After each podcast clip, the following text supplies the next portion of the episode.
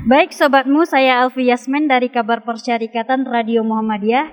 Saat ini saya sedang di samping Bapak Deni Ashari selaku Direktur Utama Suara Muhammadiyah. Uh, Bapak Deni Ashari, saya ingin mempertanyakan terkait uh, pembangunan dari uh, SM Tower. Pertanyaan pertama, Bapak apa keunikan dari pembangunan SM Tower ini kira-kira?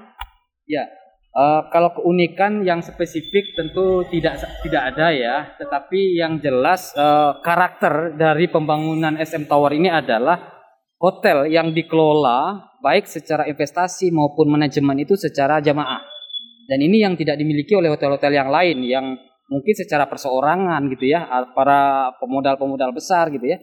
Dan ini murni dikelola oleh organisasi Suara Muhammadiyah gitu. Dan insya Allah konsep kita adalah jejaring karena nanti akan hadir juga SM Tower SM Tower di daerah-daerah yang lain.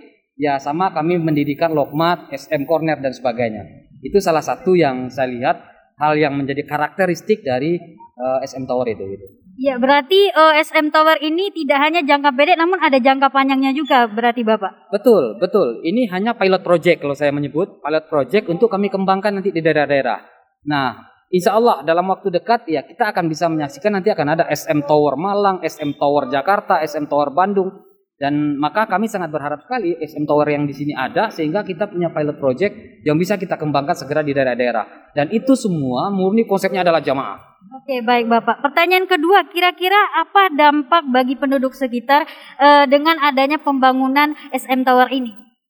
Pertama tentu adalah uh, adanya ruang ya bagi tenaga kerja lah ya kita harapkan bagi masyarakat eh, apa terdampak atau sekitar bisa tentu memanfaatkan keberadaan ini sebagai apa sumber baru lah dari ekonomi mereka gitu ya. Kemudian yang kedua tentu adalah fasilitas dan siar ya. Artinya kalau selama ini mereka bertetanggaan dengan hotel-hotel pihak orang atau orang lain, paling tidak dengan hotel yang dikelola Muhammadiyah ini, mereka juga bisa menjadi bagian dari siar memanfaatkan tempat ini. Oke, pertanyaan terakhir Bapak, eh, kira-kira berapa lama jangka waktu SM Tower ini akan selesai pembangunannya? Insya Allah sesuai dengan di atas kertas itu 8 bulan, eh 10 bulan, tetapi kita berharap bisa 8 bulan sehingga muktamar bisa kita uh, wujudkan gitu. Baik Bapak, terima kasih atas waktunya. Saya Alfi Yasman melaporkan dari studio SM Tower uh, yang akan dibangun. Terima kasih. Assalamualaikum warahmatullahi wabarakatuh.